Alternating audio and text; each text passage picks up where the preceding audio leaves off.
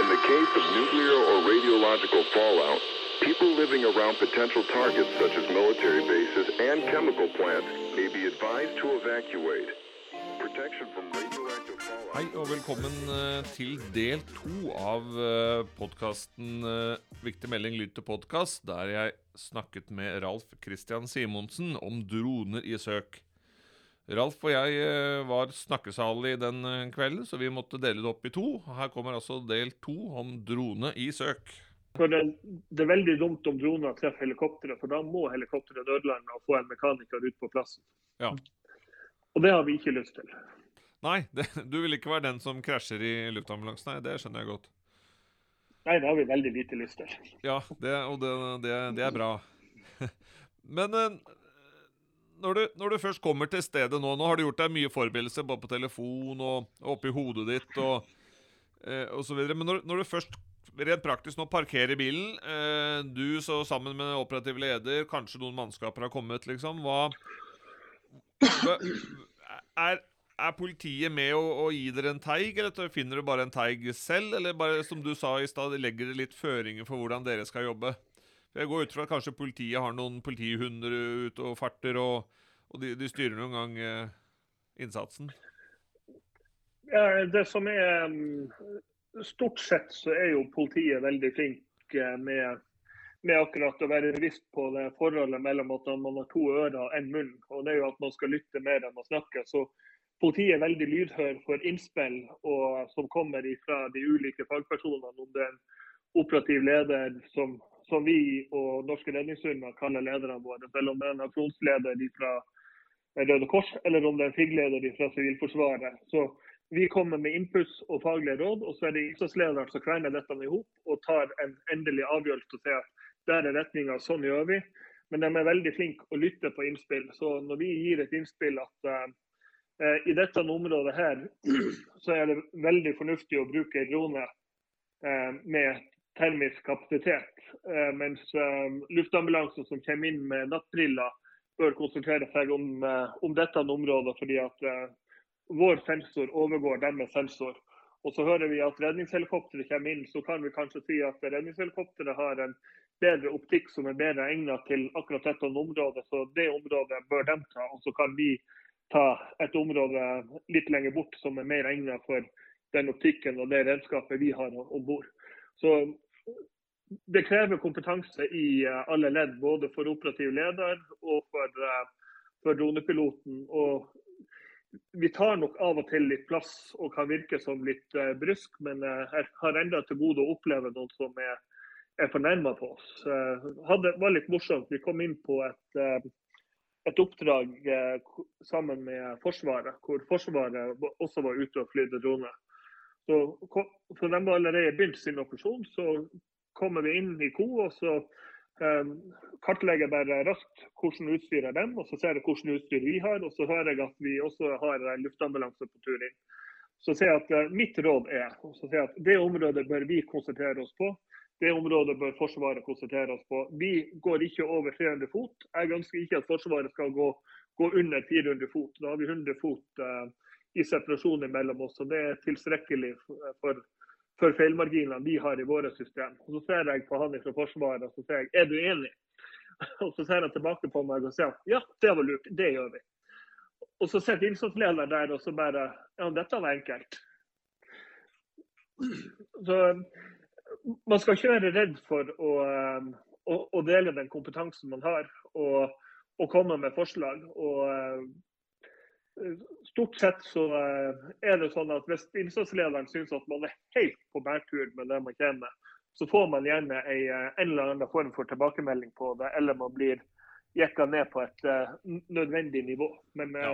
det, det, er svært sjelden det skjer. Ja, men du, du skal være ganske erfaren og litt røff i kanta hvis du skal som innsatsleder politi fortelle deg som dronefører hvordan du skal fly eller hvordan du skal jobbe med drone. Da, da, ja, Du skal vite hva du prater om, men det gjelder jo andre veien selvsagt òg, det. da. Så. Ja. Vi er jo såpass heldige at vi er jo i et politidistrikt hvor um, politiet sjøl har dronepiloter. Og de ja. har innsatsledere som er dronepiloter. Og når vi får ut en innsatsleder som er dronepilot, så um, er det kanskje den enkleste innsatslederen vi jobber med. fordi at han forstår verktøyet. Han vet ressursen av verktøyet. Og han er den vi bruker minst arbeid med å overbevise om at vi har den beste sensoren til akkurat dette oppdraget. For ja, ja. han har det inne fra før. Ja, ikke sant. Ja, men Det er jo bra. Det er jo positivt, selvfølgelig. Men når det kommer til, til selve søket, da, Ralf altså Du har fått utdelt en tag som du er enig om, alt sånn, du flyr opp drona. Hvordan, hvordan rent praktisk øh, søker du? Hvordan flyr du? Er det bare fly rundt med varmesøkende kamera og håpe at du finner noen, eller er det et visst mønster, hvis du skjønner hva jeg mener? Uh, når det er uh, når, vi, når vi flyr uh, Ofte så flyr jeg på frihånd og, og følger stier med, med varmesøkende det er jo det, det typiske. for vi ja, Veldig ofte så er vi veldig tidlig i innsatsen. At det er kort tid siden personen er meldt savna, og at vi har eh, et ganske greit utgangspunkt å kunne starte en stisøk. Og stisøk med drone er forholdsvis effektivt. Så eh, Da bruker jeg å legge meg opp på 100 meter. Mellom 100 og 120 meter. For med det termiske kameraet vi har, optikken vi har, så er det en, en veldig ideell høyde å fly på. for da greier jeg å se, kjenne igjen en uh, menneskesignatur bort fra maurtue eller uh, fugler eller dyr. For det, det, er ganske stor forskjell på signaturene på, på de ulike um, kategoriene. Så for, Kommer jeg for høyt, så det, blir det vanskeligere å skille dem fra hverandre med optikken som vi har. Så det er hele tida kvaliteten på optikken som avgjør søkehøyde. Så eh, om vi bruker eh, den matrisen vi har med H20-kamera under, eller om vi bruker eh, Atlas-droner med termisk kamera under, så er ideell søkehøyde mellom 90 og 120 meter. Og så er det egentlig terrenget som avgjør vinkelen på kamera. For er det veldig tett skog, så må vi ha kamera 90 grader rett ned. Og da, da må vi også søke ganske sakte, fordi det, det krever trening og det krever et årvåkent øye og få med seg en kropp som ligger inntil ei buske i tett vegetasjon. Men er det mer åpne områder, så bruker vi kamera mellom 45 til 60 grader. Og da har vi et mye større synsområde. og da er det lettere å ta inn en varmesignatur og eh, avklare raskt hva den varmesignaturen er. Um, og så er det jo det, det å tolke varmesignaturer, det er noe som krever en del trening. Så uh, i begynnelsen så tok vi inn ganske mye maurtue og, og, og, dyr som vi trodde var mennesker, til vi lærte oss uh, menneskesignaturen. For det var veld, veldig sterke indikasjoner på, eller en veldig stor forskjell på hvordan et menneske ser ut på uh, en termesignatur kontra et dyr. Ja. ja, jeg skjønner. Vi har jo ikke fire bein og sånn, tenker du? Nei, blant annet. Og så har vi jo eh, eh, varme områder av kroppen som er plassert litt annerledes enn på dyr. Så for, for ofte på en signatur så, så ser du, eh, du, du ser en, en farga klump, og så ser du eh, noen områder som har litt mer farge, sånn som håndflate, og ansikt og skritt. Så Det er gjerne de, de varmesignaturene der som gjør at man kjenner igjen at her er det et menneske. Ja, ja. Og jeg tror Eh, altså, Jeg var jo en oppfatning før, altså før jeg kjøpte meg selv drone og har leka litt med den, at, at det skulle være mulig å, å fly drone opp og så bare kunne se et menneske. Det var helt til jeg testa det selv, og, og jeg lagde vel en video av det også, hvor jeg altså la ut et, et rosa teppe, strakk det helt ut, så i en stor firkant, og så la det ute i, i skog og Så fløy jeg over litt sånn sikksakk, og så skulle jeg se om eh, de som så videoen, klarte å finne det teppet bare med å fly veldig sakte over. Og det var jo eh, det var jo i praksis ingen som fant det teppet bare med å se på videoen, uansett om du kan ta på pause eller hva du vil. Så selv et rosa stort teppe i, i tett skog var ikke Det er ikke lett å se. Og tenk deg et menneske hvor du ser det ovenfra, kanskje, og ja, det vinker vel kanskje innimellom også, men da, det er jo ikke stor signatur rett ovenfra, i hvert fall. Nei, det, det, krever veldig mye trening. Og spesielt det å eh, jobbe på et optisk kamera i dagslys krever mye trening på å, å skille signaturer fra hverandre. Og vi ser jo at uh, de enkleste måtene å gjøre funn på, det er hvis vi har uh, spektrale eller hyperspektrale kamera som, uh, som, greier å skille ut uh, en unaturlig farge fra en naturlig farge. Så du flyr over, så kan du plutselig få et varsel opp på skjermen og en uh, liten blinkende firkant at her er det farge som ikke er naturlig. Og Så stopper man opp og så sjekker man det nøye. og Da har jeg vært med på å, å gjøre funn av, av folk i kamuflasjeklær med sånne kamera. Men beklageligvis er de hyperspektrale kameraene per i dag ikke sivilt tilgjengelig. Det er militært utstyr enn så lenge. Okay. Ja. Men det, det, er utstyr som, som, vil komme tilgjengelig for søk og redning i løpet av kun kort tid. Jeg blir overraska om det ikke er på markedet allerede i år. Ser du det? Så eh, Det er jo litt av de gleden med de prosjektene vi har. At vi har samarbeid også opp mot leverandører som leverer militært utstyr. Så får vi testa ting og så gitt litt tilbakemelding om dette har en verdi i søk og redning. Ja. Så, så, utvikles det sivile utgaver av det. Ja. Men jeg går vel ut fra at dette her kommer ikke til å koste 200 kroner på Claes Olsson heller? Eh, nei, vi ligger nok i budsjett. Eh, den siste drona vi kjøper, den vil koste 1,6 millioner. Uh, der, der, koster sensoren under alene 900 000. Ja. Uh, og Det er jo ting som er helt umulig for en frivillig organisasjon å få til, med mindre man har uh, sterke givere i ryggen, som uh, bl.a. Uh, Samfunnsløftet fra Sparebanken Nord-Norge og, og Stiftelsen DAM. Det er to veldig sterke, viktige donorer. og så har jeg et håp om at kanskje Gjensidigestiftelsen også kommer inn og støtter oss i prosjektet.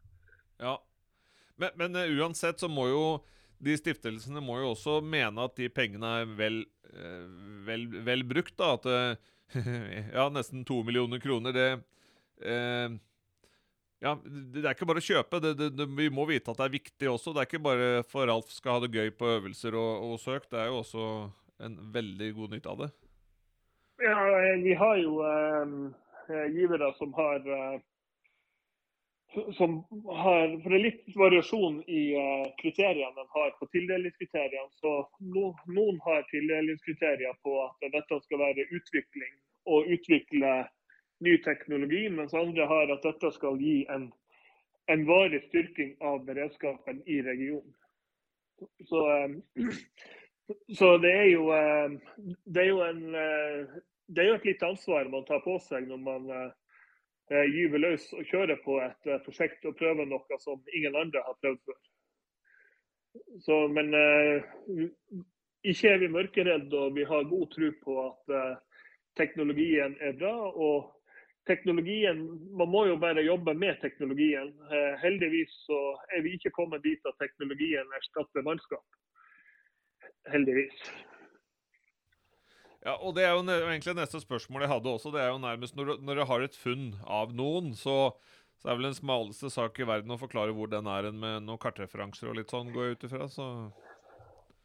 Ja, man skulle jo egentlig tro det. Men merkelig nok så er det ganske vanskelig. Og det er jo, eh, og det er jo denne saken at eh, den eh, referansen vi bruker på landbasert redning i Norge med UTM, det er en kartreferanse som ikke er særlig vanlig å bruke i, eh, i eh, navigasjonssystem. I, så, sånn som i, eh, i droner og i luftfart så bruker man enten lengde-breddegrad, eller så bruker man MGRS.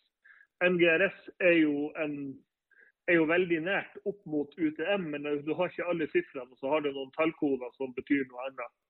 Så når, du, når, vi tar ut et koordinat fra droner, så er vi nødt til å, å ta det via en app og, og konvertere det til en UTM-referanse. Og Det mest effektive vi gjør, det er jo et system vi har um, et kartsporingssystem som vi bruker til nei, um, Norsk Folkehjelp som heter Sartopo. Det er også det, det systemet vi bruker på å spore og, og trekke mannskap. Så vi skriver inn, Uansett hvilken referanse vi skriver inn, om det er lengde-breddegrad eller om det er MGRS eller UTM, så kjenner han igjen referansen og så oversetter han det til det du måtte ønske å ha valgt inn i kartet. Så det er den raskeste måten. Men eh, det er jo en, eh, en tidstyv når du, eh, sitter og leser på et brett, og så må du ta opp nødnettet, og så må du lese det inn til en som sitter i ko, og så må han i ko eh, lese tilbake at han fikk rett referanse, og så få forståelsen av hva dette er, og så gi beskjeden til en tredjepart. Så vi har jo etter hvert begynt å insistere på at eh, en dronepatrulje skal, eh, i tillegg til dronepilot og en, uh, en spotter, altså en, en hjelpemann eller en kopilot, skal også ha et bakkemann, bakkemannskap, altså en, en patrulje på bakken på to til fire personer som er under pilotens kontroll, og som sjekker ut eventuelle funn som gjøres. Eh, for gjør man et funn, så er det viktig å komme seg til pasienten tidlig. Og kollegaene våre i, i Moelv de gjorde et uh, funn i, uh, i, fjor av en person fra, med termisk kamera fra drone, og var nok uh, med på å berge et liv den kvelden. Så ja. det er en veldig bra teknologi. Ja, er du gæren. Kan, kan, man, kan, du koble det du ser på skjermen din, inn til Co live òg, liksom? På en eller annen måte?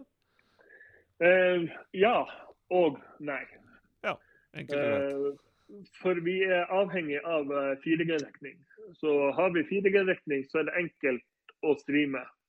Uh, enkelt, ikke billig, men det er enkelt å streame.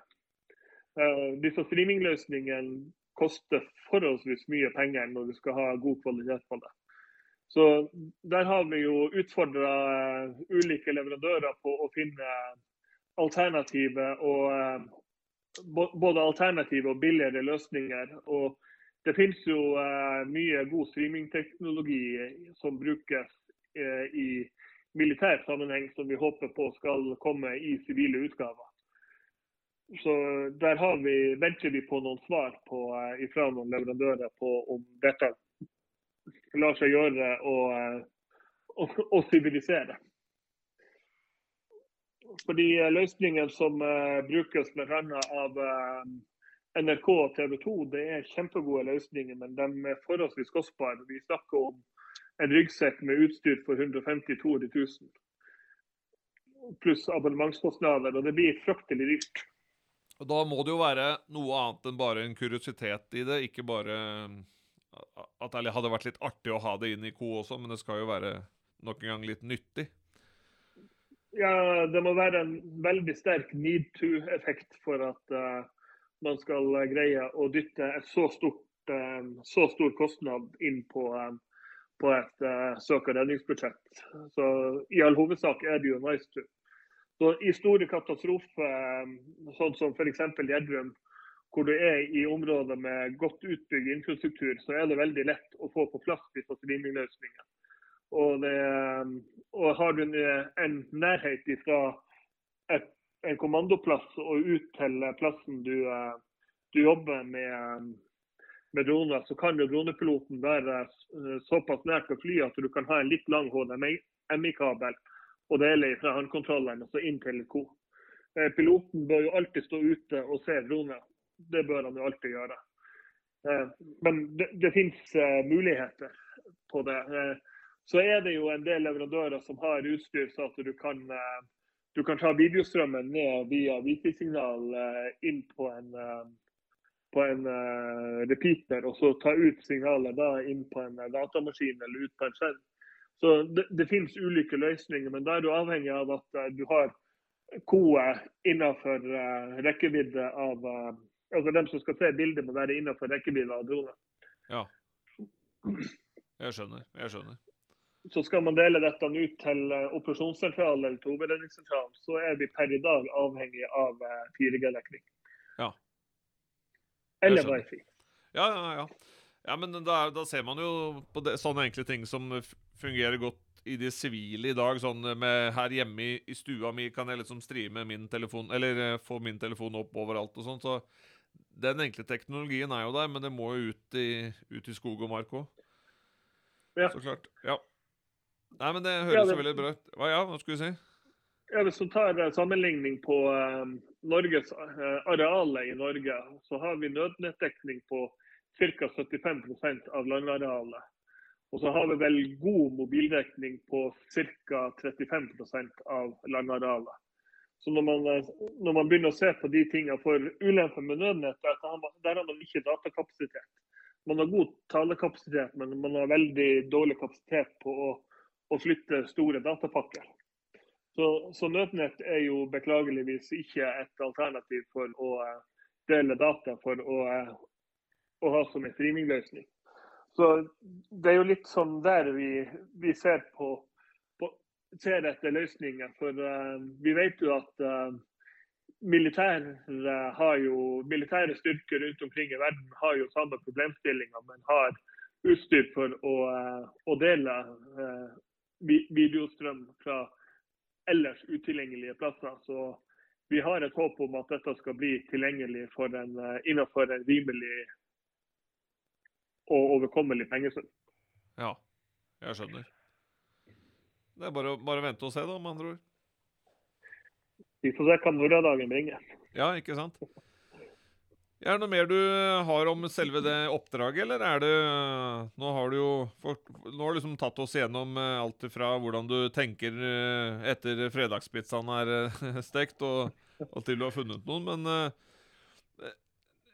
du, du, ser jo for deg dette her som et sånn økende Nei, ikke økende problem, det nesten tvert imot. Eh, det, du er jo helt klart for droner i søk. Hvordan ser du liksom framtida i, i søk og redning med dronene? Liksom? Vil det bare øke og øke og øke? Og hvor, hvor, hvor stiller du deg i denne framtida? Eh, jeg har nok trua på at uh, droner vil uh, bli et mer dominerende verktøy i uh, søk og redning i tida som kommer.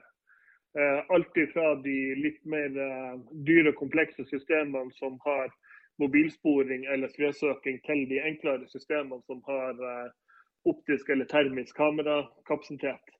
Og jeg er nesten overbevist om at vi allerede i løpet av året vi er inne i, så vil det være like naturlig å ha en Mavic Mini i, i sekken når man går og, og søker etter en person.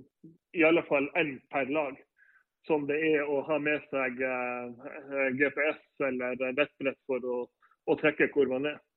For eh, et, et lit, en liten fotpatrulje, når det ellers ikke er store utfordringer med vær og vind, så kan eh, ei drone være veldig effektiv bare for å få søkt av eh, en elvebredde, en liten vannpytt eller en, en litt vanskelig eh, tilkommelig fjellskrenk, bare for å ha et eh, øye opp i lufta på er det noe her, er det ikke noe her. Så, um, og når vi ser på Når vi tar sammenligninger på f.eks. en DJI matrisdrone, det er en drone som ligger i størrelsesorden 280 320 000. Der omkring koster dem, avhengig av hvor mye batteripakker osv. må kjøpe. Eh, en sånn drone med et H20 optisk termisk kamera eh, er når du er og flyr opp mot eh, ja, rundt 100 meter høyde over bakken, så har du en veldig god sensorkapasitet både på eh, optisk og på termisk. og Du kan raskt avklare eh, og finne hva du er. Og du har en bedre kapasitet enn hva du vil ha i de aller fleste av ambulansehelikopter. Og per i dag så er det en bedre sensor enn det som er i Sea Kingen. Men når det kommer til Star Queen og til politihelikopteret, så har jo de en optikk som langt, langt, langt overgår det som, det som vi har i droner per i dag. Så det er det å få inn det rette verktøyet til, um, til, på det rette stedet. Men sånn som uh, politiet, politihelikopteret og for så vidt SAR de har såpass sterk sensorkapasitet at de kan ligge høyere å jobbe. De kan ligge og jobbe på 200-400 meter og se like godt som en drone gjør på 100 meter, som gjør at uh, de kan jobbe mer sømløst og uavhengig av hverandre. Uh, nå ser jeg litt mer uavhengig av hverandre, fordi at um, med droner og politihelikoptre sånn rent praktisk kan være ganske nært hverandre. For uh, har ikke den uh, veldig sterke downwashen som Sarkoin har. Så Sarkoin er jo en arbeidshest som er lagd for uh, de ekstreme oppdragene ute til sjøs. Og er, har en ekstrem løftekapasitet. Og den har en veldig sterk downwash. Så overflyging av en Sarkoin vil nok påvirke selv en såpass stor drone som, med DJI Matrice, som er en på rundt 7 kg. Så eh, vi har noen fysiske begrensninger på helikoptertypen. Men eh, i praksis, så, eh, så, lenge vi vet om hverandre og vi har dialogen på plass, og nå jobber vi også med en, en droneveileder som skal avklare forholdet mellom ubemanna luftfart og bemanna luftfart, så at vi skal ha faste prosedyrer å jobbe sammen på. Så, for Det handler jo til syvende og sist om å å lokalisere den eh, savna personen eller skadde personen på bakken og få hjelp til ham så fort som mulig. Ja. Enkelt og greit. Det er det. Det er jo helt sikkert. Ja, og da blir, jo, um, ja. da blir, jo, egentlig eh, farge på uniform eller etatstilhørighet blir underordna. Det er om å gjøre å hjelpe den som trenger hjelp. Ja, helt klart. Det har, jeg, det har jeg tenkt i alle år. Det er jo samme eh, hvor du, hvilken etat du kommer fra, liksom. Det er jo samarbeidet som uh... men, men, føler du eh, Burde liksom uh, Røde Kors og Norsk Folkehjelp sam, Burde det egentlig vært én organisasjon, tenker du det? Er det Jobber man gjerne litt sånn tungvint mot hverandre, nærmest? Eller ikke, ikke mot hverandre, men tråkker hverandres bed og bruker unødvendig mye penger det ene mot den andre og sånn? Skjønner du hva jeg mener? Uh jeg er jo forholdsvis ny inn i uh, frivillig redningstjeneste. Jeg har jo bare vært med i skikkelig tre år nå. Ja. Så um, jeg, har, um, jeg, har, nok et inntrykk av at uh, det kanskje før i tida var litt mer kniving og kiving. Mens nå de senere året er blitt veldig bevisst på dette med å, å samarbeide og samvirke. Og jeg ser jo med det arbeidet vi i alle fall vi har holdt på med, vi som har denne interessen for drone. Vi jobber utrolig godt sammen og er veldig godt samkjørt. Uavhengig av om vi eh, tilhører Røde Kors eller Norsk Folkehjelp, eller om vi tilhører politi eller kystvakt, så er vi, vi er veldig sammensveisa. Og det er jo litt sånn på som jeg nevnte tidligere, at en dronepilot er en dronepilot, uh, uavhengig hvor du er i landet og uavhengig hva det står på ryggen. Ja. Og Det samarbeidet har vi også på, um, på snøskred. Der har vi også en uh, veldig sterk veileder som, uh, som har satt uh, standardiserte prosedyrer på måten vi jobber på. Og vi ser jo at veilederen på søk etter savna person på land, som også er revidert nå nylig, den legger jo mer og mer til rette for at man skal bli det skal være mer samvirke, altså mer standard operasjonelle prosedyrer på hvordan man hvordan man utfører et oppdrag, og det skal være mindre etatsavhengig eller organisasjonsavhengig. Så eh, Samvirket blir jo egentlig bare bedre og bedre. og jeg ser på eh, Sivilforsvaret får jo til stadig et, et, bedre rykte blant de frivillige enn de hadde, har hatt tidligere år. Og det, med, og det er velfortjent og med rette. Ja. ja. Det høres bra ut. Det høres bra. Nei, for jeg, jeg, jeg, så selv i, i Coop på, på Gjerdrum der Altså, det var et svært rom med så mange mennesker, så du skjønner ikke. Og da sitter jo alle har jo, alle har jo hver sin operative leder eller FIG-leder i CO, også politiet og brannvesenet, ambulansetjenesten, Røde Kors, Folkehjelpa, Norske Redningshunder, og det var noen andre organisasjoner der osv. Det, det er jo et sammensurium å, å, å koordinere for de alle. Så det hadde med fordel vært eh, et, to, tre, fire, fem personer mindre et, eller færre i et sånn uh, ko. Men det Ja. Det er nå en gang to, to, to, eller flere organisasjoner, så. Jeg, eh, akkurat når det kommer til ledelse, så har jeg mye, mye sterke meninger. Og jo mindre, jo mindre en hendelse er, jo færre ledere kan du ha. For en forholdsvis liten, enkel uh, leteaksjon etter en savna person. Uh, ja, ta et praktisk eksempel fra i fjor. Da hadde vi uh, søk etter en savna person fra en institusjon. Og Da hadde vi én leder i KO, og han var fra Røde Kors. og Han styrte redningshunder, han styrte Norsk Folkehjelp han styrte sin, sin egen organisasjon. Og det fungerte helt utmerket. Og det fungerer veldig bra når du har en liten nasjon med ganske få, uh, få å holde styr på. Men får du en stor leteaksjon eller en stor katastrofe, så er du nødt til å ha flere lederelement. Fordi at eh, en god leder, en godt trent leder, han greier å håndtere fem til sju pågående hendelser samtidig. Og ja Hvis du kan tenke deg eh, sånn som på, eh, sånn som på Gjerdrum f.eks., så var det 22 beredskapsambulanser på plass fra Norsk Folkehjelp og Røde Kors. Så hvis vi sier at du har en topptrimma leder som klarer å håndtere sju biler, så må du ha tre ledere for å håndtere 21 biler. Ja, ja, ja. ja. Absolutt.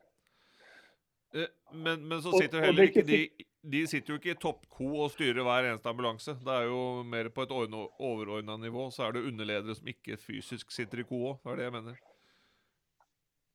Ja, eh, og der er jo litt sånn på, eh, på, på organiseringa. Fordi at eh, i, i, et ko så må det være én fra hver organisasjon. Men det er også tilstrekkelig at det er enn fra hver enkelt organisasjon, med mindre det er behov for uh, ekstra uh, støtte til uh, loggføring, sambandsbruk eller støtteverktøy, altså digitale støtteverktøy. Så er det nok med en leder fra, hver organisasjon. Og så er jeg en av dem som er grunnleggende imot at et KO skal etableres tidlig i en aksjon. For at jeg vil ha innsatsleder og og operative ledere. Jeg vil at de skal være ute og se skadestedet. Jeg vil at de skal se det mannskapene jobber med. Og for da gjør de en mye bedre jobb på å, å lede, kontra det å sitte inne i et varmt rom og egentlig ikke se og føle på eh, pulsen på aksjonen, og kanskje jobbe med informasjon som er 30-40-50 minutter gammel. For du mister tidsaspektet når du ikke står ute og og ser ting fysisk. Så jeg er ikke så veldig glad i etablering av fysiske ko tidlig, men det er, en, det er også en nødvendighet. Ja, jeg skjønner hva du mener. Helt klart. Men uh, ja, vi, vi, begynner jo å nærme oss slutten her, Alf. Er det noe mer du, uh, mer du kunne tenke deg å nevne om, om, drone og bruk av drone i søk, eller du, føler du selv at du har fått fortalt det du, du vil? Uh, vi har vel egentlig fått dekt ganske mye. Eh,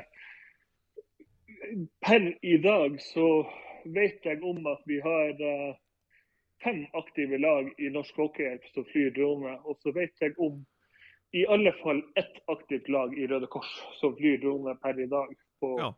Da prater vi hele stats, Norge? Da prater vi hele Norge på statsluftfartsregler. Ja.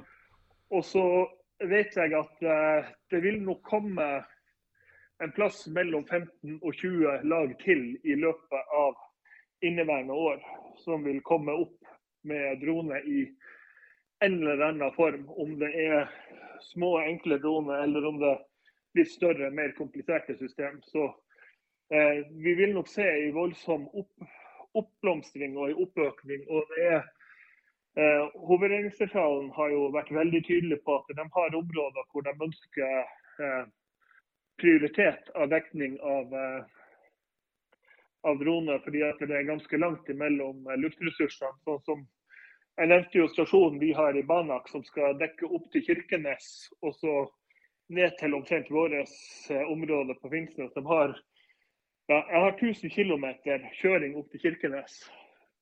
Så det, det dekkes på ett redningshelikopter. Og så har jeg 480 km kjørestrekning til Bodø, som er neste redningshelikopter som skal dekke ned til Trondheim, som også er 1000 km ifra meg.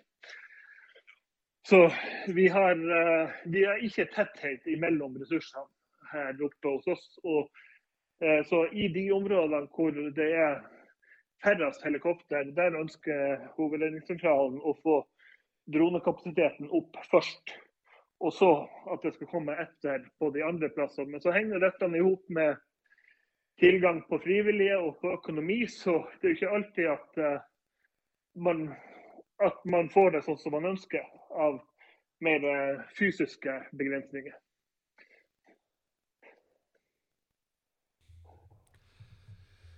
Nei, Det er utfordringer i alle ledd, eh, Ralf. Det er ikke noen tvil om det. Men jeg syns jo du gjør en Eller du, ikke bare du, sikkert. Det er noe undergrave veldig mange. Men dere gjør en fantastisk god jobb med å utvikle det her, i tillegg til å drive med det vanlige eh, frivillige arbeidet som gjør utenom selve droning, vil jeg jo si.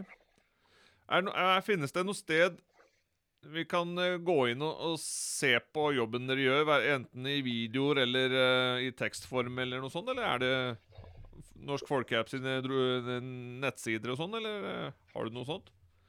Vi må jo egentlig knekke sammen og innrømme at vi er veldig dårlige å dele både bilde og video av det vi holder på med. Og det er jo gjerne dette de skyggebrillene som kommer opp med oppdragsfokuset på at når vi er ute og gjør en jobb, så er det jobben som står i sentrum, og pasienten som står i sentrum. Så telefonen blir ikke tatt opp for å verken filme eller ta bilder. Nei, nei, jeg skjønner. Jeg skjønner det. Eh, Men det er jo da en oppfordring til deg det er å lage noen, noen, videoer som man kan dele og vise jobben dere gjør, kanskje? da? Ja, det finnes faktisk et veldig fint uh, klipp fra uh, NRK på, uh, i forbindelse med den den feltprøven vi hadde av en demodrone på Skresåker i, i samøvelse med norske redningshunder på et, på et vinterkurs som vi hadde. Så Der finnes det en veldig bra video. Men da er det jo eksterne som har filma oss, mens vi fokuserer på de tingene vi egentlig kan. Ja, ja. Men det, det, var jo fint. Da tar jeg og legger ved eh, Her jeg skal dele denne, denne podkasten, legger jeg ved link til eh, til var det NRK sitt, uh, sitt klipp, så kanskje vi kan få litt bedre inntrykk av hvordan dere jobber? Ja. Ja, Herlig. Før vi avslutter, eh, Ralf, er det noe mer du kunne tenke deg å nevne i podkasten, eller? Uh, er du fornøyd? Nei. Jeg kjenner egentlig at jeg er ganske fornøyd, for nå har jeg prata på innpust og utpust. Og så, og, og så har jeg jo fått nevnt at uh, Sivilforsvaret er en sterkere ressurs enn uh, man selv tror man er. Ja. Og Det er jo noe, det er en påstand jeg kan komme med som har vært på begge sider av bordet. Ja. Høres så, veldig bøt. Ja. Så hvis jeg skulle komme med en oppfordring, hvis det nå skulle forville seg inn noen ifra, ifra andre organisasjoner eller politiet, så er det at man må ikke glemme Sivilforsvaret i hendelser. fordi at det, er, det å ha hjelp hjelperen til oss hjelpere er vesentlig viktig. Om det blir ekstra mannskap ute i skogen, eller om det blir eh, støttefunksjonene rundt dette med ko, eller hva det måtte være, så er det veldig, veldig, veldig mye god kompetanse og godt utstyr i Sivilforsvaret som brukes i altfor liten grad. Ja. Det er, eh, det er, det er fine ord, Ralf. Nei, men Da tenker jeg vi, vi, avslutter det. Og så må jeg bare takke deg så mye for at du ville være med. Og så ja, ha en fortsatt, uh, fi, fortsatt fin 2022. Jo, takk samme. Så plutselig ses vi i det nye året. Det gjør vi. Takk skal du ha.